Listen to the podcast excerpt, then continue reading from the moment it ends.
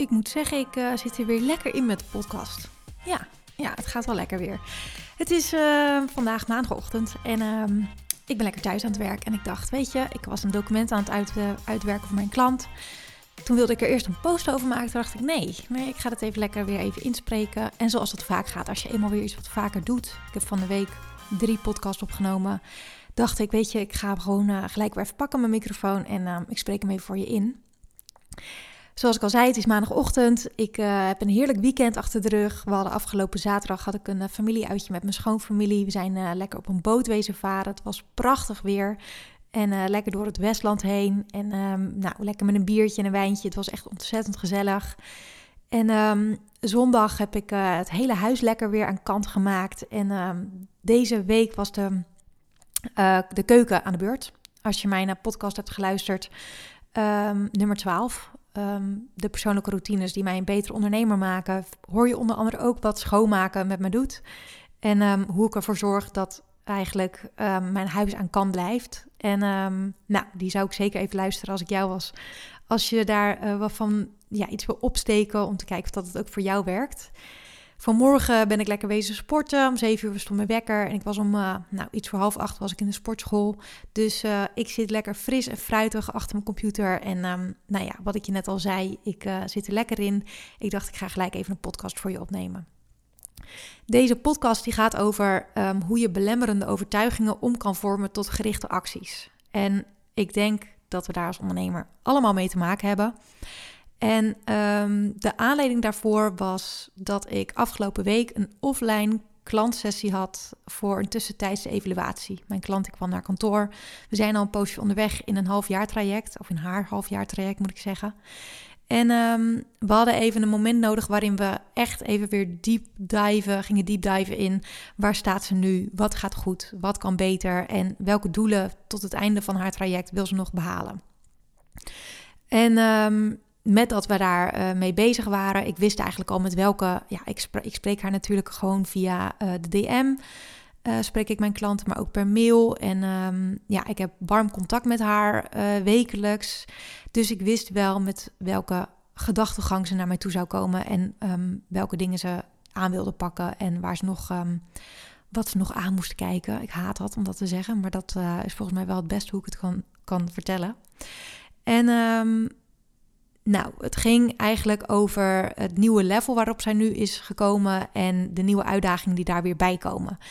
Ik denk dat ieder ondernemer wel weet dat je nooit stil blijft staan en dat je dus altijd, ik in ieder geval wel, zij ook uh, met mij, denk ik, die, iedereen die ik spreek, heeft nieuwe uh, uitdagingen, dingen die je nog nooit hebt gedaan en die had zij ook. En um, met dat, uh, ja, met dat gegeven dacht ik vooraf, wat kan ik wat kan ik nu doen om te zorgen dat zij um, die belemmerende overtuiging omvormt tot gerichte acties? En daarvoor had ik een opdracht voor verzonnen. En um, nou, we hebben lekker pen en papier gepakt. En uh, ik heb een groot kliederblok, zo'n uh, zo'n groot blad waarop je kan tekenen. Um, en ik heb haar stiften gegeven.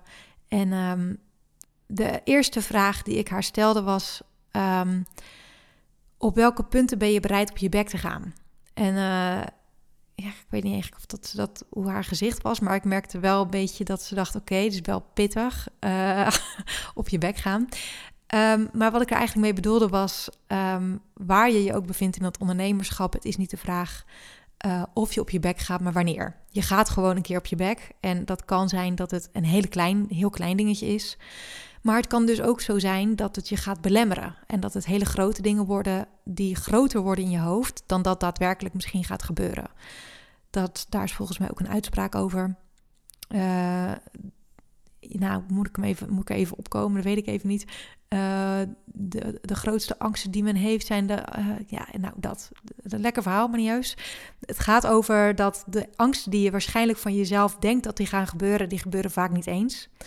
Maar het ging daar nu wel even over. Om dus te zorgen dat uh, alles wat er mogelijk zou kunnen gebeuren en de grootste dingen die, die, ze zou kunnen, die haar zou kunnen gaan belemmeren. Ik wilde dat ze die ging aankijken en um, ja, welke monsters ze dan in haar hoofd kreeg.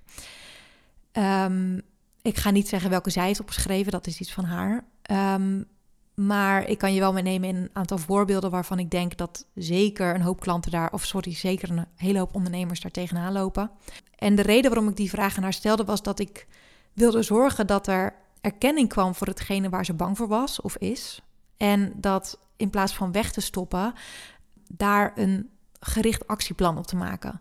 Ik denk dat we het makkelijkste vinden om over en over en over piekergedachten door ons hoofd te laten gaan en te denken, ja, maar wat als, wat als?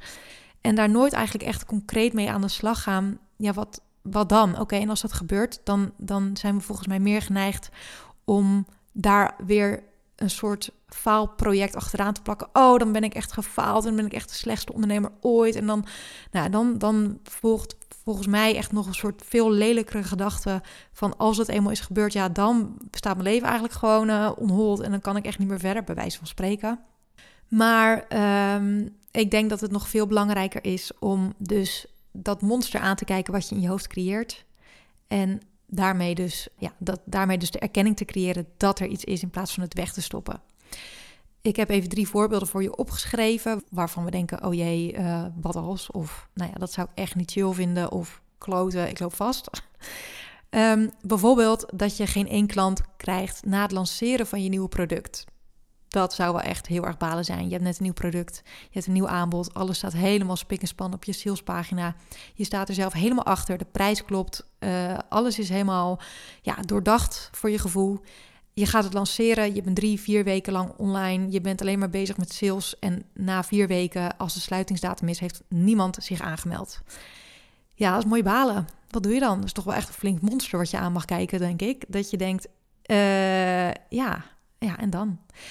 De tweede is een klant die na een superleuk salesgesprek en nog even een termijn heeft om erover na te denken, toch bij je terugkomt en zegt nee, nee, toch niet. Nou, dat zou je best wel eens persoonlijk misschien kunnen gaan opnemen of uh, gaan twijfelen over de prijs die je ervoor hebt gevraagd. Of uh, je kan misschien gaan terugdenken aan het gesprek zelf. Heb ik het wel goed gedaan? Heb ik dingen over het hoofd gezien? Zijn, zijn er dingen die ik had moeten benoemen of juist niet had moeten benoemen? Um, ja, hoe ga je dat aan daarna? Een ander ding, misschien ben je nog helemaal aan het begin van het ondernemen. Daar heb je daar ook gezeten. Of zit je daar nu soms nog wel eens? Of zit je er nu? Uh, en dat is beginnen met zichtbaar zijn ja, uh, mooi niet. Ik schaam me echt dood. En wat moet ik dan in zo'n story zeggen? En uh, hoe ga ik uh, zorgen dat mensen mij, dat, ik, dat ik niet het gevoel heb dat iedereen mij uitlacht op het moment dat ik met mijn stories eens even op Instagram mezelf ga laten zien en post ga schrijven. En hoe moet ik dat dan doen? En wat zullen mensen wel niet denken? Allemaal monsters van verschillende levels op ondernemerschap. De ene gaat over klanten, de andere gaat over jezelf aankijken in de spiegel. Heb ik het wel goed gedaan? De andere is wat zullen andere mensen wel niet van mij denken? Dus je ziet ook dat door het op te schrijven van ja, waar je misschien mogelijk bij op je bek gaat, dat daar vaak een andere emotie onder zit. Afwijzing, um, schaamte. Um, het gaat bijna nooit echt over hetgene wat het daadwerkelijk is, maar over een veel dieper liggende gedachte. Met dat mijn klant dat had opgeschreven, um, had ik een tweede vraag opgeschreven. En dat ging over welke helpende acties of gedachten zetten we hier tegenover. We hadden dus eerst de daadwerkelijke monsters had ze opgeschreven. We hadden bepaald welke andere emotie daar dus onder zat, welke diepliggende emotie eronder zat. En om er vervolgens dus een gerichte actie of gedachte aan toe te voegen, wordt die stroom aan piekergedachten wordt daarmee gestopt omdat er een plan voor is gemaakt. Je denkt namelijk na over de volgende stap en het zelfgecreëerde monster krijgt ineens een soort rustgevend plan wat daarna volgt. Want op het moment dat jij nu dus kan gaan denken, geen één klant na het lanceren uh, van mijn nieuwe product die heeft aangebeld, jij weet dan, oké, maar als dat gebeurt, dan weet ik in ieder geval wat ik moet doen. Of welke gedachten ik mezelf eigen moet maken om niet te verzanden in een soort negatieve spiraal en continue belemmerende overtuigingen maar daarin vast te blijven houden. Om op de voorbeelden door te, voor te borduren waar ik het net met je over had, dus geen één klant na het lanceren van je product, een gerichte actie daarop kan zijn dat je gaat onderzoeken waarom dat niet is gebeurd of waarom um, mensen niet bij je zijn ingestapt. Ik denk dat het heel simpel kan. Op het moment dat jij um, je sales stories hebt gedaan of je hebt posts geschreven en uh, die zijn door een aantal mensen geliked, maar ze hebben geen actie ondernomen, kun je dus direct hen benaderen. hey joh, ik zag dat je, een, uh, dat je mijn post had geliked of dat je hebt gereageerd op een aantal stories. Um, maar je bent uiteindelijk niet ingestapt. Mag ik vragen waarom? En hoe meer je van die data ophaalt, hoe meer solide het uiteindelijke antwoord is wat je krijgt. In plaats van in je hoofd te blijven malen over waarom het niet is gelukt. En dat je gewoon een dik vet faalproject bent. Uh, want dat is natuurlijk de makkelijkste gedachte. Of um, ja, nee, ik moet zeggen, en je kan er daarna dus achter komen waar je mogelijke um, verbeteringen moet doorvoeren of waarbij je hulp moet inschakelen. Het kan natuurlijk zo zijn dat jouw product echt helemaal on point is, dat eigenlijk het product zelf in elkaar zit, want door met je mogelijke ideale klant in uh, gesprek te gaan, kun je er dus achter komen dat het product wel voor hen van toepassing was, maar vinden ze de prijs te hoog, wie weet. En kun je daar een afspraak over maken van, joh, het kan ook in termijnen of voor jou 10% korting, want het is nog een pilot. Of er zijn natuurlijk nog heel veel dingen waarmee je kan spelen, waardoor mensen uiteindelijk wel klant van jou worden. Dit kan trouwens ook een tussentijdse tussentijdsmoment zijn. Dus gerichte actie op een tussentijds moment wanneer je aan het lanceren bent. En op het moment dat je voelt dat er nog niet genoeg klanten hebben aangebeld, kun je deze natuurlijk ook gewoon toepassen. Ik merk dat er vijf mensen zich hebben eh, op de interesselijst hebben gezet. Ik had er eigenlijk 50 verwacht. Oké, actie, actie in de taxi. Wat ga ik doen? Dan is dit een van de mogelijkheden. Het kan ook zijn een gerichte actie op de data die je verzameld hebt, of omdat je zelf tegen dingen bent aangelopen is dat je mogelijk hulp in moet schakelen. Dat het product dus wel, wat ik net ook zei, wel oké is, maar dat het helemaal niet lekker is overgekomen. Dat mensen niet hebben begrepen wat je nou precies aanbiedt of welke pijnen je nou precies weghaalt voor je klant of ja, wat ze uiteindelijk precies overhouden aan een samenwerking met jou met dit nieuwe aanbod. Een gerichte gedachte, op het moment dat het dus eigenlijk misschien van beide niet het is. Dus stel iemand zegt, nou ja, ik heb het gezien, maar Ehm, ik vind het eigenlijk niet relevant. Of het is voor mij niet relevant omdat. Of ehm, sterker nog, je hebt je hele doelgroep verkeerd ingeschat. Je prijs is te hoog of misschien zelfs te laag. Um, het, is, het schijnt een flop te zijn en je dacht van tevoren dat het helemaal top was. Dat blijkt het niet te zijn dan is het enige wat je daaraan kan hangen, is ik heb ervan geleerd om het de volgende keer beter te doen en ik ben een stapje dichterbij met wat ik wel wil.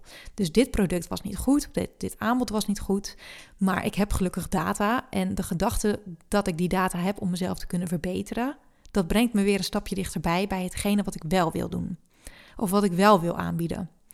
Zo kun je dus de gerichte actie in gaan zetten op dat monster wat je hebt gecreëerd in je hoofd, maar ook een gerichte gedachte eraan te koppelen. Ik snap dat dat niet super makkelijk is. Ik zelf ben ook een mens. Ik heb ook die gedachten. Maar ik probeer zelf altijd wel een stapje vooruit te denken en mezelf, mezelf er soort van in te berusten. Ook als dingen niet goed gaan, dan heeft het zo moeten zijn. En dan heb ik ervan geleerd en dan zie ik daarna wel weer verder. Maar ik ben wel op zich over het algemeen vrij rustig als ik nieuwe dingen probeer. Omdat ik weet, dit is ja, een soort ehm, onderdeel van mijn reis naar uh, de versie die ik uh, over een paar jaar wil zijn. En waar ik uh, ja, nu naar aan het werken ben. Ik zal de andere twee ook nog even kort met je doornemen. Een klant die bijvoorbeeld toch nee zegt na een leuk salesgesprek. Um, ik heb van mijn allereerste coach een quote uh, geleerd. Of eigenlijk van haar heb ik deze quote. En dat vind ik nog steeds echt een zeer treffende. Ik heb hem ook altijd eigenlijk in mijn achterhoofd. Op het moment dat ik een salesgesprek heb. En ik zie de klant wel zitten. Maar zij zelf heeft misschien nog eh, financiële situ situatie waar ze nog eerst eh, over na moet denken of ze twijfelt. Of op het moment dat ik voor mijn productaanbod sta en ik weet dat het hen kan helpen, maar zij twijfelen te veel, dan is altijd het mantra wat ik mezelf voorhoud is if you have to drag them in, you have to drag them through. En ik vind deze echt ontzettend waar. Op het moment dat ik maar enigszins twijfel of, of iets ervaar van een potentiële klant, dan ben ik bijna altijd de eerste die zegt: laten we dit niet doen. Want um, dit is het productaanbod. En op het moment dat je hier niks aan hebt, dat je niet met mijn traject denkt te halen wat je wil halen, of waar je op dit moment in je leven zit, in je ondernemersreis, um, dan, dan moeten we het niet doen. Ik vind dat dat altijd alles over um, energie gaat. En op het moment dat je de energie niet terug kan geven of niet aan elkaar kan geven, dan ben ik ervan overtuigd dat het niet de juiste samenwerking is. En komt er dus eigenlijk tot nu toe ook altijd iemand op mijn pad die beter bij mij past en die wel all in ja zegt. En ik krijg daar zelf ook meer energie van. Um, wanneer ze niet met mij willen samenwerken, hoeft dat ook niet altijd over mij te gaan. Dat is ook uh, zeker een, uh, iets wat ik me altijd voorhoud. En als dat wel zo is, dan is het des te meer de reden dat ik heel blij ben dat ze zeggen: nee, ik wil toch niet met je samenwerken. Want ik wil niet met iemand samenwerken die niet met mij wil samenwerken. Dat heeft ook weer een beetje te maken met natuurlijk die energie die je aan elkaar wil geven.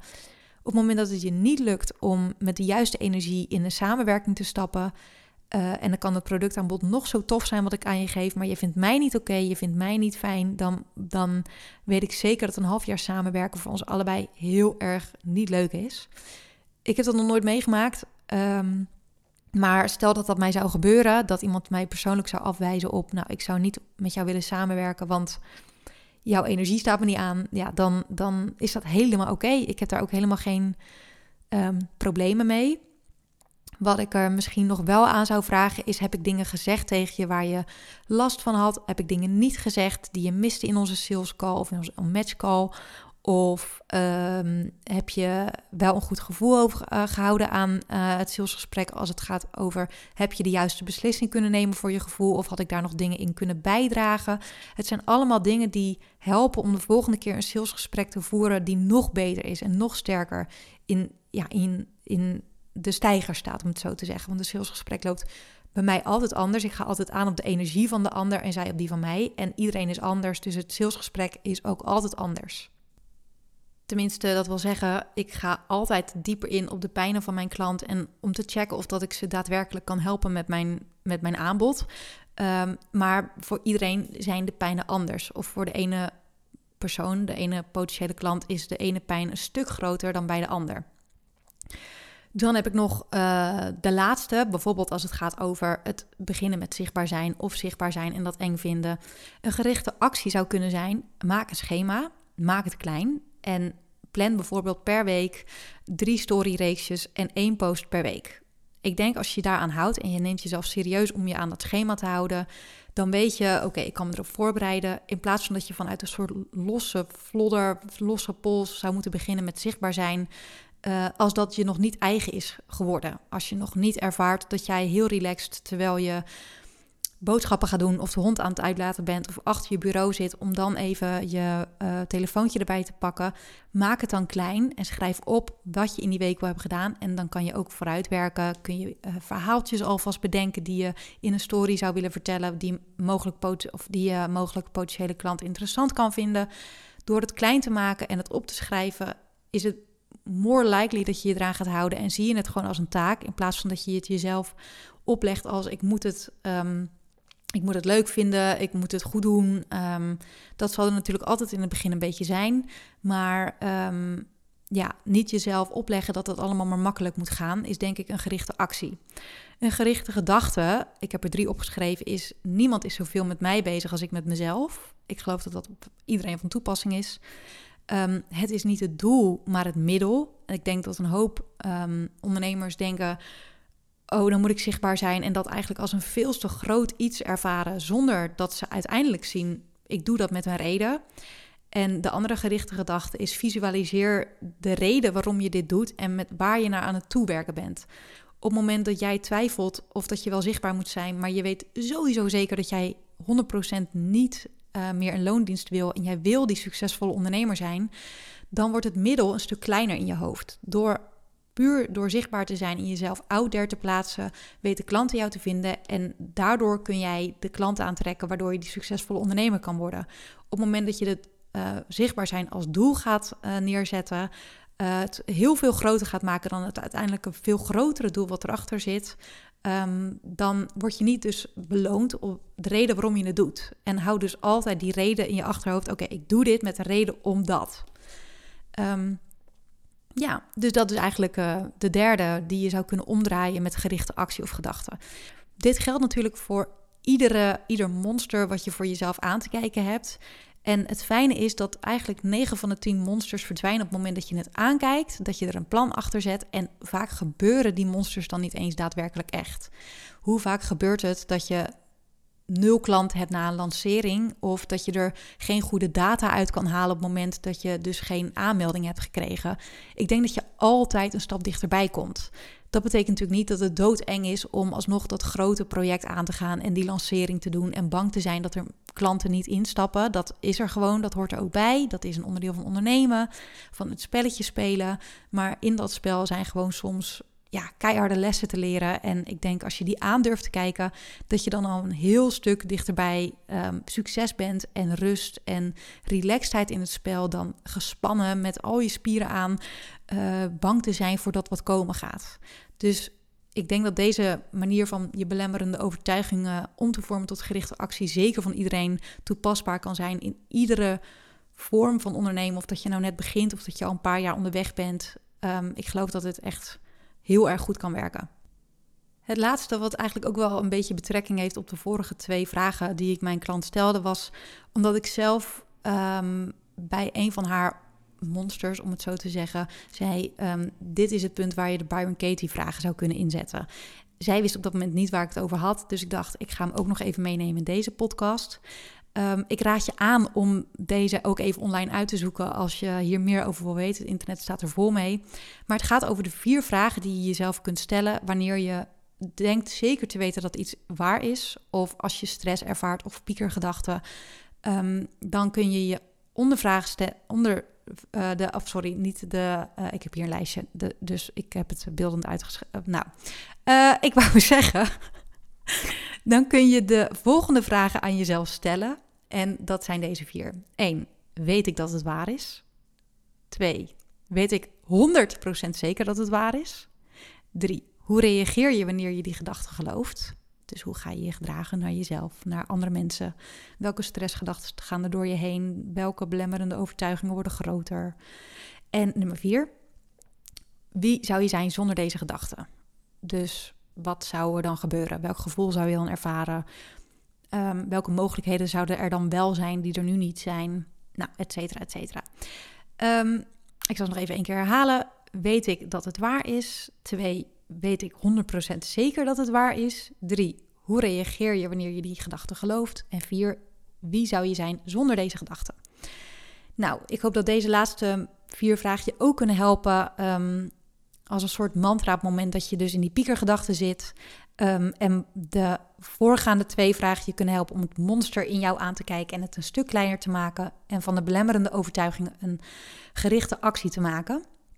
Op het moment dat jij denkt, nou, ik zou het eigenlijk ook wel heel fijn vinden als iemand eens een keertje met mij meekeek naar ja, de dingen die ik eigenlijk nu in mijn hoofd heb gecreëerd, die mogelijk helemaal niet waar zijn. Maar ik kom er maar niet uit. Ik word helemaal loco van mezelf. Ik heb zoveel dingen waarvan ik denk te weten dat um, ja, dat het me daardoor tegenhoudt. En ik ben hoofdelijk wel, snap ik dat het niet altijd zo hoeft te zijn, maar lichamelijk heb ik gewoon ook echt weerstand tegen al die dingen. Ik durf het niet. Ik vind het lastig om uh, een doorstart te maken met iets nieuws of, of helemaal sowieso te beginnen met ondernemen.